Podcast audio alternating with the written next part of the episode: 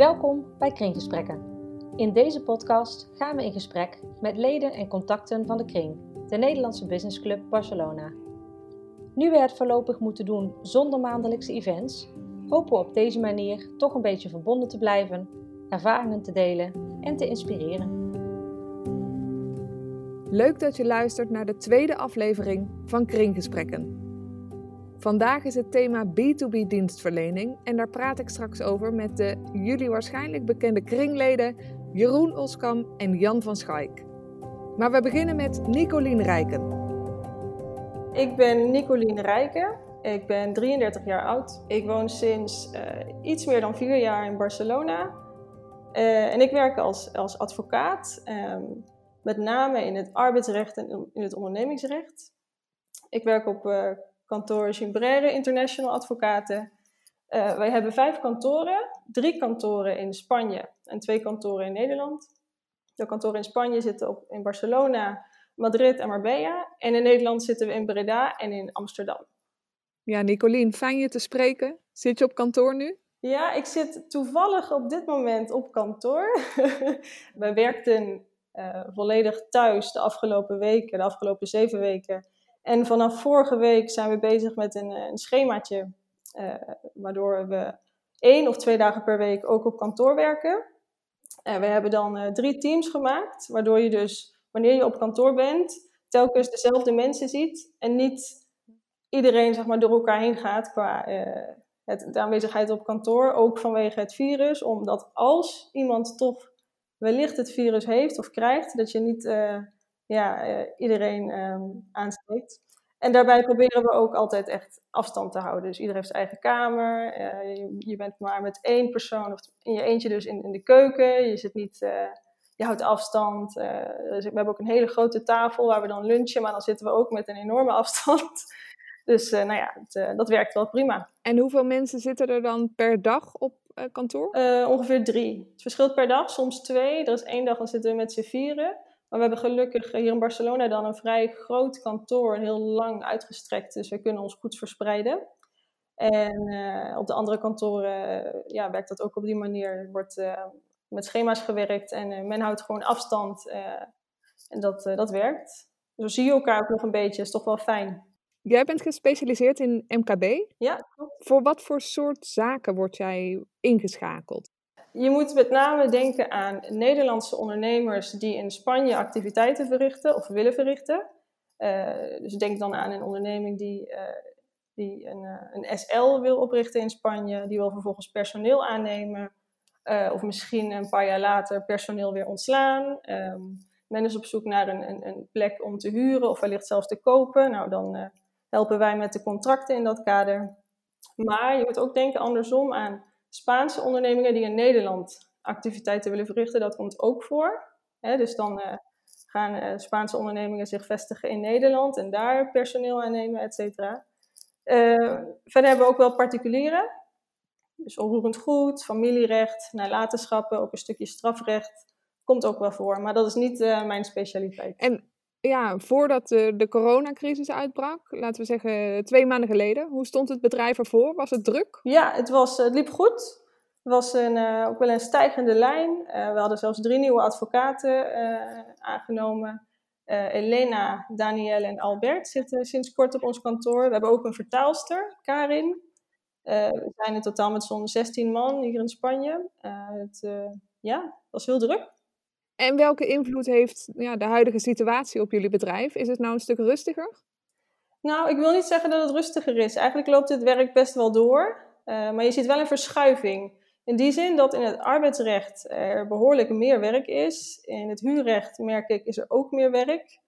Uh, ook zijn er zeg maar corona-vragen die vrij veel voorbij komen. Ik denk op termijn helaas ook faillissementen, dat we dat gaan zien.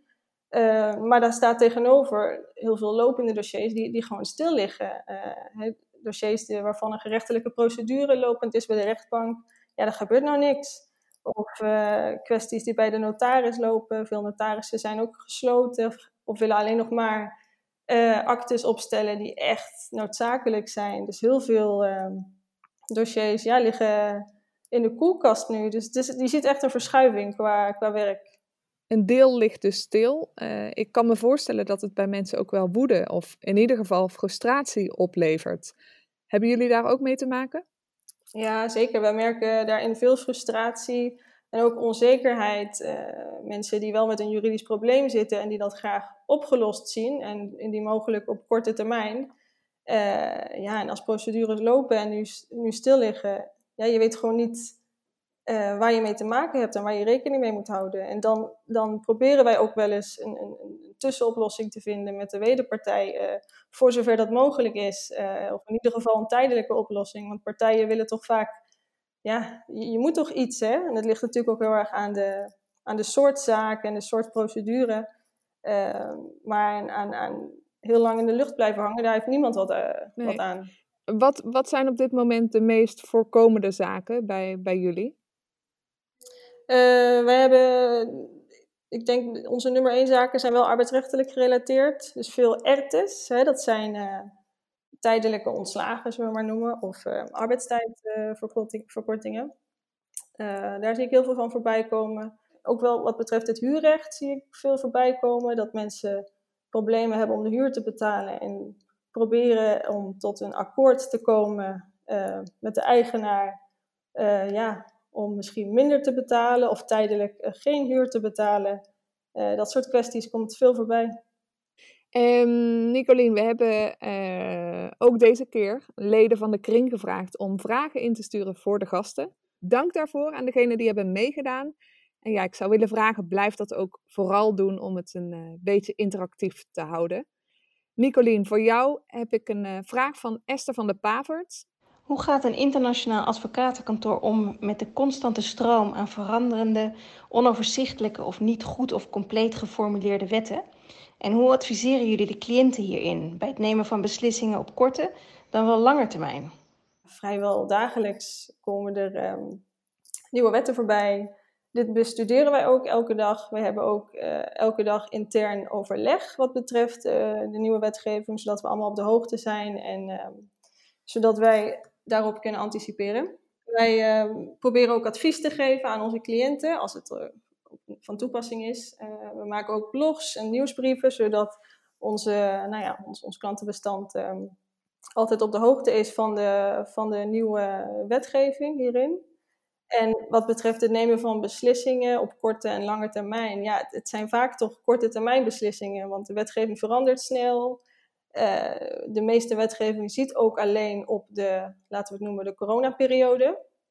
Dus zodra dat voorbij is, ja, als het goed is, gaan we dan weer terug naar de, tussen aanhalingstekens, oude situatie. Dus je, je kan eigenlijk alleen maar advies geven uh, op de korte termijn op dit moment. Ja, duidelijk.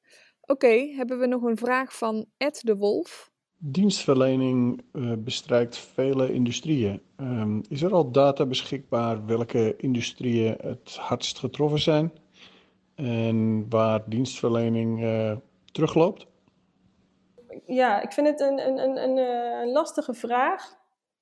Wat, wat ik merk binnen ons kantoor is dat de vrije tijdsindustrie en de toerismesector uh, behoorlijk hard getroffen is. Dat daar, ja, dat, dat, dat is die um, ondernemingen liggen grotendeels uh, stil.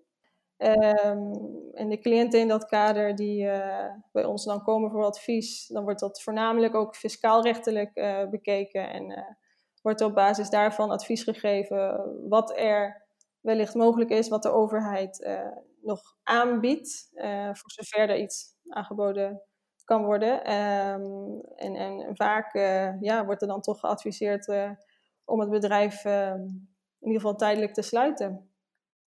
Wat voor verwachtingen heb je voor de toekomst? Zie je het positief of nou ja, wat minder positief misschien in? Voor ons kantoor, en ik denk überhaupt ook voor onze sector, de juridische sector, is het ehm, wel positief want wanneer er ontslagen zijn, wanneer er faillissementen zijn, wanneer er uh, nalatenschappen zijn, ja, dat, dat betekent voor ons dat er werk is. Dat, klinkt wel heel negatief, denk ik, maar, maar zo is het wel. zodra er veel uh, beweging is in de economie en in de maatschappij, dan betekent dat meestal dat er op juridisch vlak gewoon veel werk is. Uh, dat zal wel met zich brengen, denk ik, dat wij wel qua ja, zeg maar facturatie en, en, en, betaling, dat dat wel lastig kan gaan worden natuurlijk. Want ja, als, als veel bedrijven het hoofd niet meer boven water kunnen houden, dan wordt een advocaat betalen misschien ook, ook lastig. maar ja, ik heb anderzijds ook wel een heel klein beetje de hoop ehm, dat het op termijn ook wel weer de positieve kant op gaat. Dat ondernemers, zich, dat ondernemers weer kunnen investeren in Spanje. Ook zich weer kunnen en willen en durven te vestigen in Spanje. Uh, dus ik hoop dat dat op termijn uh, ja, toch wel een positieve draai krijgt. Een hoopgevend vooruitzicht dus. Dat is mooi. Nicolien, dankjewel voor je tijd. Ja, graag gedaan. Tijd voor de tweede gast van deze aflevering. Dat is Jeroen Oskam. Ik ben Jeroen Oskam. Ik ben inmiddels alweer 52 jaar oud. Time flies. Ik woon sinds 1996 in Barcelona. Toen ik daar naartoe kwam voor mijn toenmalige vriendin, nu mijn vrouw, ben ik gelijk Euroeconomics begonnen. Dat heb ik nog steeds. Het is inmiddels gegroeid. We hebben nu zes kantoren over Spanje en een team van meer dan 60 collega's. Kun je kort uitleggen wat Euroeconomics doet? Wij begeleiden buitenlandse bedrijven als zij een vestiging in Spanje willen openen. We begeleiden ze dan met het oprichten van hun bedrijf hier. Dat is wel, eh, zeg maar juridische dienstverlening. En daarna begeleiden we hem bij de, de boekhoudingen, de belastingen, de fiscale vraagstukken die zij hebben. En daaromheen, omdat we ja, steeds meer juristen en fiscalisten in dienst hadden, zijn we ook uh, belastingaangifte voor particulieren gaan doen. Belastingvraagstukken voor de Nederlanders die naar Spanje komen, ook Belgen, Engelsen, Amerikanen inmiddels. En we begeleiden ook particulieren als zij vanuit het buitenland hier in Spanje woningen of vastgoed willen kopen. En ja, hoe stond jullie bedrijf ervoor, voor de crisis? Het stond er eigenlijk prima voor. Spanje ging in het algemeen vrij goed, de internationale economie ging vrij goed. De wereld werd steeds internationaler. En ja, ik moet zeggen van uh, het, ging, het ging prima. We hebben net twee jaar geleden een kantoor in Alicante geopend. En uh, precies nu hebben we een kantoor in, uh, in Mallorca geopend. Dus ja, we gingen eigenlijk volle kracht vooruit. En toen kwam inderdaad de coronacrisis. Ja, levert dat zorgen op bij jullie? In het begin wel. We hebben ook relaties die zitten in de, in de retail, dus uh, grote winkelketens. We hebben ook enkele re relaties die zitten in het toerisme. Nou, die bedrijven die kregen gelijk uh, grote klappen, die gingen dicht. En dat gaat ook gevolgen hebben voor ons. En ze mogen straks wel weer open, maar we moeten zien in hoeverre dat, uh, dat gaat herstellen. Dus in het begin was het echt van oef, wat gebeurt hier? Ik was ook vrij bang dat bijvoorbeeld eh, de hele betaalketen stil zou gaan vallen. Dat bedrijven niet meer gaan betalen, dat ze op hun geld gaan zitten. Dus echt uh, hoe je normaal naar je bedrijf kijkt, dan kijk je een paar maanden vooruit, een jaar vooruit, dan ben je met je strategie bezig. En nu was het gewoon ineens van uh, in het begin even van dag tot dag kijken, wat gebeurt er? En daarna van week tot week, inmiddels is dat iets rustiger geworden. Maar in het begin was dat, uh, ja, het is echt, ik noem dat een ongecontroleerd domino-spel. Je weet gewoon niet welke kant de stenen op gaan vallen. En die kunnen ook op jou vallen. Nou ja, dus dat, uh, dat was, het was in het begin even spannend. En nu minder? Ja, ja het is nu uh, minder spannend. Want we monitoren dat dus. In het begin nou zei ik, oké, bekeek ik het per dag. Nu inmiddels per week. Dus dan je gewoon de, je krijgt van alle zesde kantoren de, de basics, van wat staat er op de bank, hoe, is, uh, hoe betalen de debiteuren, zijn er nog aanvragen? Nou, in het begin helemaal niet, nu weer een beetje wel. En, en hoe, is de, hoe is de werkdruk per afdeling? Nou, dan heb je het allemaal ongeveer wel in kaart en dan zie je waar je, waar je alert moet zijn en waar het ongeveer waar het doorgaat. Dus ik moet zeggen, de, de, die spanning is iets minder geworden. Of we zijn wat, nou ja, dat, we weten nu hoe het ongeveer gaat. Maar de aandacht verschoof eigenlijk al snel naar het team. Dus die, uh, wij werkten allemaal echt op kantoren, wel af en toe thuis. Maar echt in no time moest iedereen thuis gaan werken. Nou, dat ging, uh, in technische zin ging dat goed. we konden gelijk doorwerken thuis. Onze klanten zijn bediend. En een aantal van onze klanten moesten heel veel mensen ontslaan. Dat is allemaal heel erg. Dat moesten wij allemaal dan begeleiden. En dat ging technisch gezien goed. Maar ja, aan de andere kant zitten de, de mensen thuis op werkplaatsen die er helemaal niet voor zijn ingericht.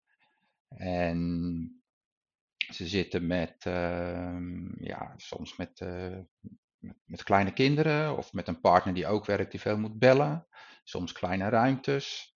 En dat uh, vergt een hele andere manier van uh, hoe je ervoor moet gaan zorgen dat mensen goed kunnen blijven werken. En hebben jullie daar als team ook, uh, ja, zijn daar oplossingen voor aangedragen? Ja, ja, ja, ja. Wij waren eigenlijk vorig jaar al bezig met een uh, programma, dat noemen we Brain Balance. Dat gaat over het uh, evenwicht tussen wat je allemaal meemaakt en de drukte en de stress die je hebt op je werk. Hoe je dat eigenlijk niet mee moet nemen naar huis. sommige mensen die zijn op hun werk iets anders omdat ze met andere mensen werken, met andere problemen om moeten gaan, dan dat ze thuis zijn als ze met kinderen zijn of met een partner zijn. En wij hebben best wel werk. Het wordt best wel onderschat eigenlijk, maar het is best wel werken wat je in je hoofd meeneemt naar huis. En nou, dat kan tot best wel tot, uh, tot stress leiden. Best wel een beroepsgroep. Je zou het misschien niet zeggen, maar mensen echt uh, overspannen kunnen worden of burn-outs kunnen krijgen. Dus daar zijn we heel erg, eh, heel erg mee bezig. Maar ja, ineens, precies, midden in het programma zitten mensen echt thuis. Dus waar wij het er steeds over hebben van hoe moet je dat gescheiden houden of op een gezonde manier wel combineren. Of hoe ga je daar flexibel mee om.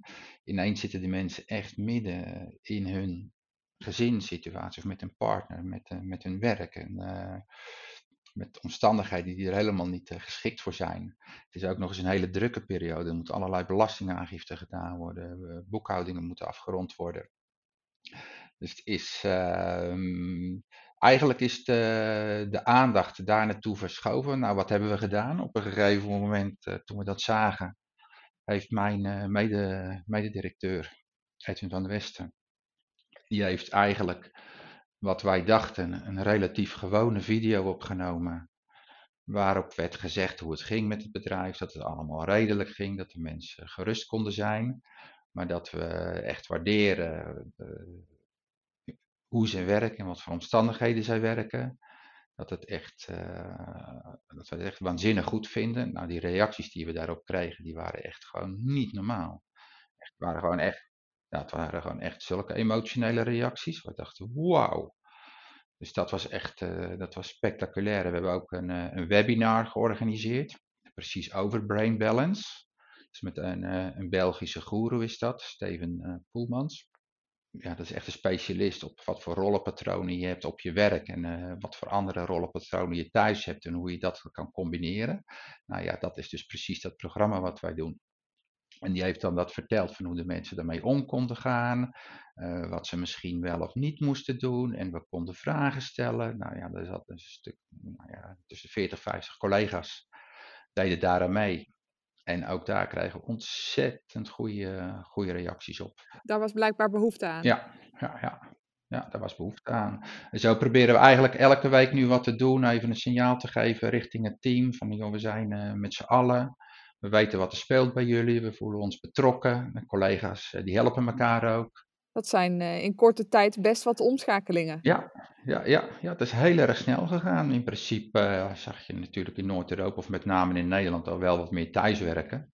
Maar dit is gewoon echt van, uh, van 0 tot 100 in een paar weken. En we moeten dat ook zien te managen. Dus we hebben een managementteam zeg maar van zes directeuren en partners. En um, ja, iedereen had eigenlijk al een kantoor en we overlegden al met telefoon of mail, maar dat gaat natuurlijk nu via de, via de chats, via, het gaat op iets, andere, op iets andere manieren, maar dat gaat eigenlijk prima. Dat gaat, in technische zin gaat het prima. Ja, en is dat ook iets wat je wilt doorzetten op het moment dat, nou ja, laten we hopen dat, uh, dat de crisis uh, straks voorbij is? Uh, dat thuiswerken, gaat dat bij jullie op deze manier verder? Nou, in zekere zin wel. Je merkt ook wel dat mensen uh, toch wel behoefte hebben aan de sociale contacten. Dus dat ze zin hebben om weer naar kantoor te gaan, om uh, gewoon uh, op een normale manier met hun collega's te kunnen praten. Of wat we vroeger normaal noemden, zo zou je het ook kunnen zeggen. Die behoefte is er wel. En wij hebben ook een, eh, een digitale ideeën brievenbus ingesteld voor ons team. En dat is juist bedoeld om hun te vragen van wat vinden zij de voordelen van deze nieuwe situatie? Wat zouden zij graag zien dat wij daarmee doorgaan? En wat zien zij misschien toch als nadeeltjes hierbij, die we zouden kunnen, kunnen verhelpen? Dus het is echt onze bedoeling om ons team bij te betrekken bij het, uh, bij het inrichten van het nieuwe werken. Jeroen, misschien weet je het inmiddels. We vragen kringleden een vraag in te sturen. En we hebben er voor jou natuurlijk ook een paar. Uh, de eerste vraag komt van Ed de Wolf. Zijn er door de huidige COVID-situatie ook nieuwe kansen voor dienstverlening uh, en eventueel nieuwe groeimarkten die voorheen klein waren of niet echt uh, van dienstverlening gebruik maakten? Ja, ik vind die vraag op zich eigenlijk sowieso briljant. De vraag is bijna belangrijker dan het antwoord. We zitten nu in een hele bijzondere situatie. Er vallen heel veel klappen. En de vraag van de ondernemer is van, zie je kansen? Nou, ik vind het echt geweldig. En ja, er zijn zulke verschuivingen in manieren van werken, waar, uh, waar bedrijven nog niet volledig op zijn ingesteld, zoals wij zelf dus ook. De mensen werken thuis, maar de werkplekken zijn er totaal niet geschikt voor in vele gevallen. Dat moet gewoon goed begeleid worden zullen allerlei kansen ontstaan. Eh, er eh, zullen helaas ook bedrijven zijn die het niet kunnen volgen. Dat vind ik toch eigenlijk altijd wel, eh, wel jammer. Ook bijvoorbeeld de kleine traditionele Spaanse gestoria. Nou, die hebben ook een plaats in de maatschappij. Ik zou het echt best wel jammer vinden als dat soort bedrijven nu weg worden gevaagd. Dat gaat allemaal iets te snel. Maar aan de andere kant, ja, aan de voorkant, aan de moderne kant, ja, er ontstaan allerlei allerlei kansen. Er zullen wel weer veel bedrijven op inspringen. Oké, volgende vraag. Uh, die komt van Annabeth Vis. Veel bedrijven uh, gaan het niet halen. Um, en ik ben eigenlijk benieuwd of dat op dit moment, terwijl we nog in die eerste fase zitten uh, van de eerste uitbraak, of dat al merkbaar is. Of dat de klap voor veel bedrijven pas veel later zal komen. Uh, en hoe dat specifiek is voor uh, buitenlandse bedrijven die in Barcelona en omgeving gevestigd zijn. Ja, dit hebben we eigenlijk met de vastgoedcrisis en de, de Lehman Brothers crisis ook al een beetje meegemaakt. Er zijn groepen die krijgen de, de eerste klappen, die zijn echt heel hard. En dan is het nog de vraag of ze eruit kunnen komen of dat ze inderdaad moeten sluiten. Je hebt nu wel dat bedrijven weer heel snel open moeten, dus dat ze weer een poging kunnen gaan wagen. Ik ben erg benieuwd. En aan de andere kant is er een uh, bedrijvengroep, dat noem ik steeds, die krijgen de indirecte klappen. Dus die, dat zijn uh, leveranciers van bedrijven die gelijk getroffen zijn. Of inderdaad, van, dat zou bij ons ook zo kunnen zijn, dat buitenlands moederbedrijven hun Spaanse vestigingen gaan sluiten. Met, met de vastgoedcrisis zeg maar, hebben we dat ook gezien. Toen merkten wij dat ongeveer een jaar later. Nou ja, dat Verwacht je dat, dat dat gebeurt? Nou, in mindere mate. Mindere mate. De coronacrisis bij de wat sterkere buitenlandse bedrijven. Nou, onze markten zijn uh, Nederland, Duitsland, België, Amerika. Die bedrijven gaan redelijk door. En er zullen er een aantal sluiten, maar er zijn er ook weer die, uh, die gaan erin springen. Die springen erin. Ik verwacht dat het meevalt. En dan hebben we nog een vraag. Uh, Lotte Engels, die wil het volgende weten. Veel bedrijven bevinden zich op dit moment natuurlijk in crisis. Maar er zijn gelukkig ook wat bedrijven die op dit moment juist nemen om vooruit te kijken. En uh, bijvoorbeeld te, na te denken over internationalisering. Uh, wat kunnen jullie op dit moment voor die bedrijven al betekenen? En wat, wat kan en wat kan niet? Zoals zijn notarissen open om bedrijven op te richten? Um, zijn banken open om rekeningen te openen, et cetera? Oké, nou dat is op zich een goede vraag, want er zijn inderdaad bedrijven die gelijk al op de nieuwe situatie in willen spelen. Het kunnen bijvoorbeeld ook bedrijven zijn die producten verkopen op het gebied van hygiëne in kantoren en zo. En in principe kun je gewoon afspraken maken bij notarissen als je als reden opgeeft dat er iets urgent is. Nou, notarissen willen denk ik ook omzet maken, want we krijgen vrij makkelijk toch nog afspraken gemaakt. Verder is het wel zo dat Spanje een land is waar je eigenlijk overal toch even persoonlijk moet zijn. Soms is dat met compliance. Als je een bankrekening wil openen, dan moet je er bij de meeste banken gewoon zijn. Je moet ook een uh, NIE-nummer aanvragen. Nou, dan moet je eigenlijk normaal gesproken een afspraak maken om er even heen te gaan. Dan merken wij normaal dat mensen het echt helemaal niet erg vinden. Want als wij zeggen, nou, dat kan ook of digitaal, dat kan je vanuit Nederland regelen. Dan zeggen ze, nee, nee, nee, nee, nee, laat ons maar uh, naar Barcelona komen. Wij, wij komen wel naar Barcelona. Dus dan gaan we een ochtendje met ze op pad en dan gaan we naar notaris, naar de NIE, naar de bank. Het hoeft eigenlijk allemaal heel niet, maar dan leren ze ook die partijen kennen, toch een beetje persoonlijke uh, contacten. Alleen ja, dan heb je even de uitzonderingen wat niet lukt. Dat doe je dan uh, digitaal. Maar dat moet nu gewoon de nieuwe lijn worden. Dus het moet nu heel snel zo zijn dat uh, al die digitale zaken soepeler gaan.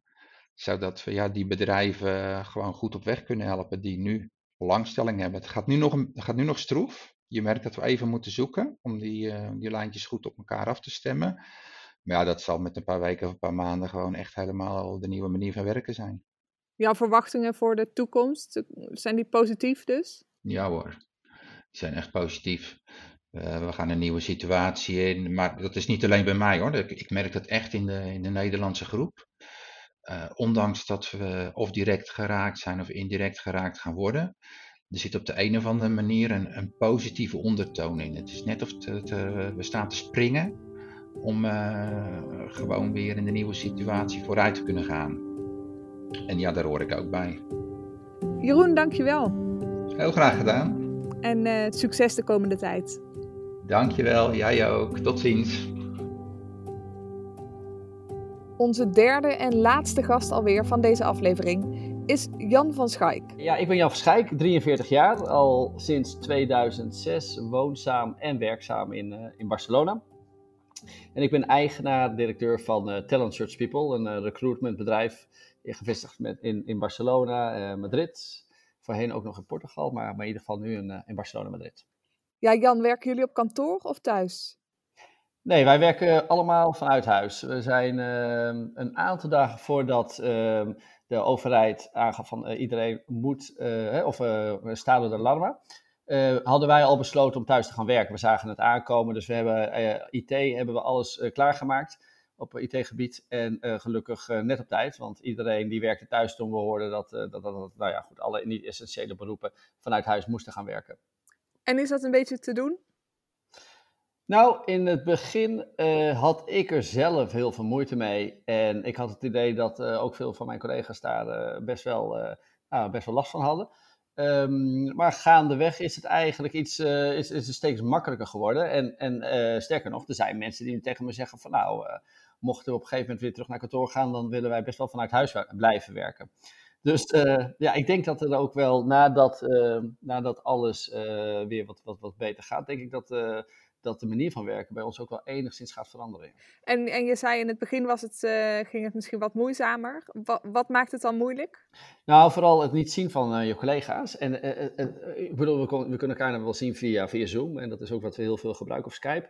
Maar ja, je loopt even binnen bij die, of je praat even met die. En, en Dus, dus gewoon, het, de sociale contacten zijn toch een stuk minder. En uh, zeker ik, uh, die, vind het heerlijk om met mensen te spreken en, en even uh, te vragen hoe het gaat. Of, of even in te gaan op, op, op, waarom een plaatsing niet gelukt is of wel gelukt is. Nou, dat soort dingen mis je dan een beetje, want die spontaniteit, die, die, die raak je kwijt. dus dat vond ik in het begin erg lastig. En hoe stonden jullie ervoor, voor de crisis? Nou, wij hadden, zeg vorig jaar was het weer een prima jaar. Eigenlijk elk jaar uh, draaien we uh, goed als organisatie. Um, alleen moest ik wel zeggen dat we vanaf januari hadden we al wat minder omzet dan dat we vorig jaar hadden. Nou, februari was ook al een stukje minder. en nou goed, en maart was natuurlijk was helemaal geen pretje. Maar dus we hadden eigenlijk begin van het jaar begonnen we al, al wat, wel wat dingetjes te merken. Maar we stonden er nog wel oké voor. Uh, maar goed, uh, de afgelopen twee maanden zijn, uh, zijn bizar slecht geweest, ja. Ja, en kun je wat vertellen over ja, hoe het nu gaat, de huidige situatie bij jullie? Nou, um, toen wij ehm, in maart daadwerkelijk echt zo, nou ja, zagen gebeuren. Ik bedoel, we, we, wisten dat het ging gebeuren. Sterker nog, ik denk dat we in februari er al mee bezig waren. Um, hebben we heel snel eigenlijk geschakeld. Hebben we best wel veel mensen moeten ontstaan in de, in de beginfase. Ik denk dat we ongeveer, uh, we waren een man of 80, 85 inmiddels. En uh, daarvan zijn er zo'n uh, 40 helaas op straat gezet. Dat is veel, de helft. Ja, de helft ongeveer. Ja, ja, ja, ja. Dat was, maar goed, dat was, ik denk wel een terechte beslissing. Zeker gezien, als ik nu kijk dan ook hoe ver we terug zijn gezakt in omzet, is dat denk ik heel goed geweest. daarna hebben we gekozen om een ERTE te doen. Dus ehm, niet meer mensen te ontslaan, maar, maar mensen ja, gebruik te maken van sommige Ehm, regels die de overheid aan, uh, aanbiedt. Ja, en heb je daar veel gebruik van moeten maken al? Ja, ja wij hebben niet gekozen voor, die, uh, voor Fuerza Major. Uh, daar zouden we denk ik ook niet voor in aanmerking komen. We hebben gewoon gebruik gemaakt van de normale RT. Dat wil zeggen dat we weliswaar dat sociaal betalen. Maar uh, ja, je kan die mensen dus wel dan heel flexibel naar 0 euro of naar 20 euro fulltime inzetten. En ja, daar maken we best wel veel gebruik van. En zeker wat we zien is dat bijvoorbeeld uh, eh, IT, dus mensen die, die we hebben die, die bijvoorbeeld op IT-facturen zitten, nou die werken allemaal bijna nog 40 uur.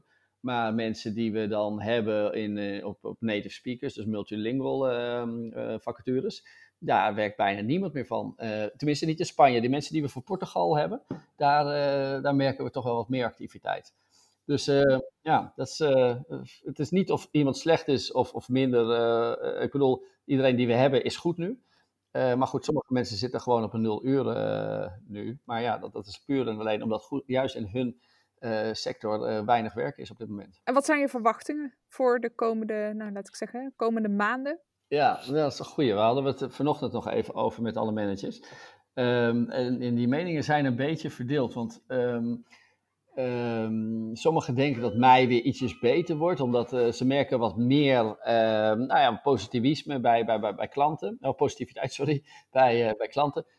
Um, terwijl sommige of andere managers, die bijvoorbeeld, zeker die in een native, dus in die multilingual zitten, die, die merken dat juist niet. Nou ja, die, die in Portugal, eh, die merken dat wel.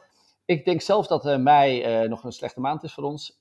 Juni verwacht ik wel iets meer, iets, iets, iets meer activiteit en dus weer iets beter. Ik verwacht dat we vanaf juli wel weer naar een situatie gaan waar we gewoon wat meer mensen uit die erte kunnen halen. En wellicht ook wel weer een beetje in de break-even sfeer kunnen terechtkomen. Maar goed, dat is, blijft koffiedik kijken. Hè. Dat, is, het, het, het, is mijn persoonlijke mening, of het echt zo is. Ik, ja, ik, ik hoop Dat is de hoop. Ja, inderdaad. Ook voor jou hebben we een luistervraag, dit keer van Rutger van Bemmel. Ja, Jan, eh, je zult uh, waarschijnlijk uh, een behoorlijke terugloop van factures zien. In welke sector is er op dit moment nog wel vraag naar personeel? Ja. Ja, klopt. We zien een enorme terugloop van, van vacatures. Ik denk dat, nou, ik denk dat we wel 80% van de vacatures kwijt zijn geraakt. En eh, we houden infojobs bijvoorbeeld ook heel erg in de gaten. Of mijn, uh, mijn, mijn uh, collega directeur, of hoe noem je dat? social, mijn, mijn, mijn, mijn um, businesspartner, die elke week houdt hij dat bij. En dan zie je ook dat dat ook, ik geloof 60 of 70 procent is ingedaald. En ik weet zeker dat ze daar extra vacatures bij plaatsen om het een beetje, nog een beetje te laten tonen. Maar wij zijn inderdaad ongeveer 80% achteruit gegaan in vacatures. Waar zit nog steeds wel wat schot in? Nou, dat is toch eh, IT. Dat is toch echt wel de technologie. En daar is ook gewoon waar we het meest in blijven factureren. Alle andere vacatures, administratief, financieel, nou, daar hebben we bijna niks. Post-COVID-tijdperk wordt ook gezegd, dat die technologie gaat nu nog belangrijker worden. Hè? Nu, nu, er steeds meer thuis wordt gewerkt en dat, dat zal waarschijnlijk uh, ook zo blijven, denk ik, uh, de komende jaren. Of dat, ik denk dat het niet meer gaat veranderen, de andere kant op. Denk ik dat het inderdaad nog, nog belangrijker wordt, dus nog meer vragen inderdaad naar dat soort mensen gaat komen. Ja. Dus ja, daar zie ik wel groei en mogelijkheden. Carrièrekansen liggen daar dus wellicht. Ja. Oké. Goed, ik zei het net al, je was de laatste gast van deze, deze aflevering van Kringgesprekken hartelijk bedankt, uh, Jan, dat we, dat we je konden bellen. En uh, ja, veel succes de komende tijd.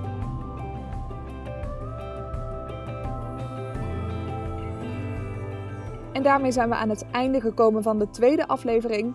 Hopelijk heb je weer met plezier en interesse geluisterd. Het volgende thema is retail. en gasten worden nog bekendgemaakt door Lotte of Anaït. Dankjewel voor het luisteren en graag tot een volgende keer. Deze podcast werd mede mogelijk gemaakt door de sponsoren van de Kring.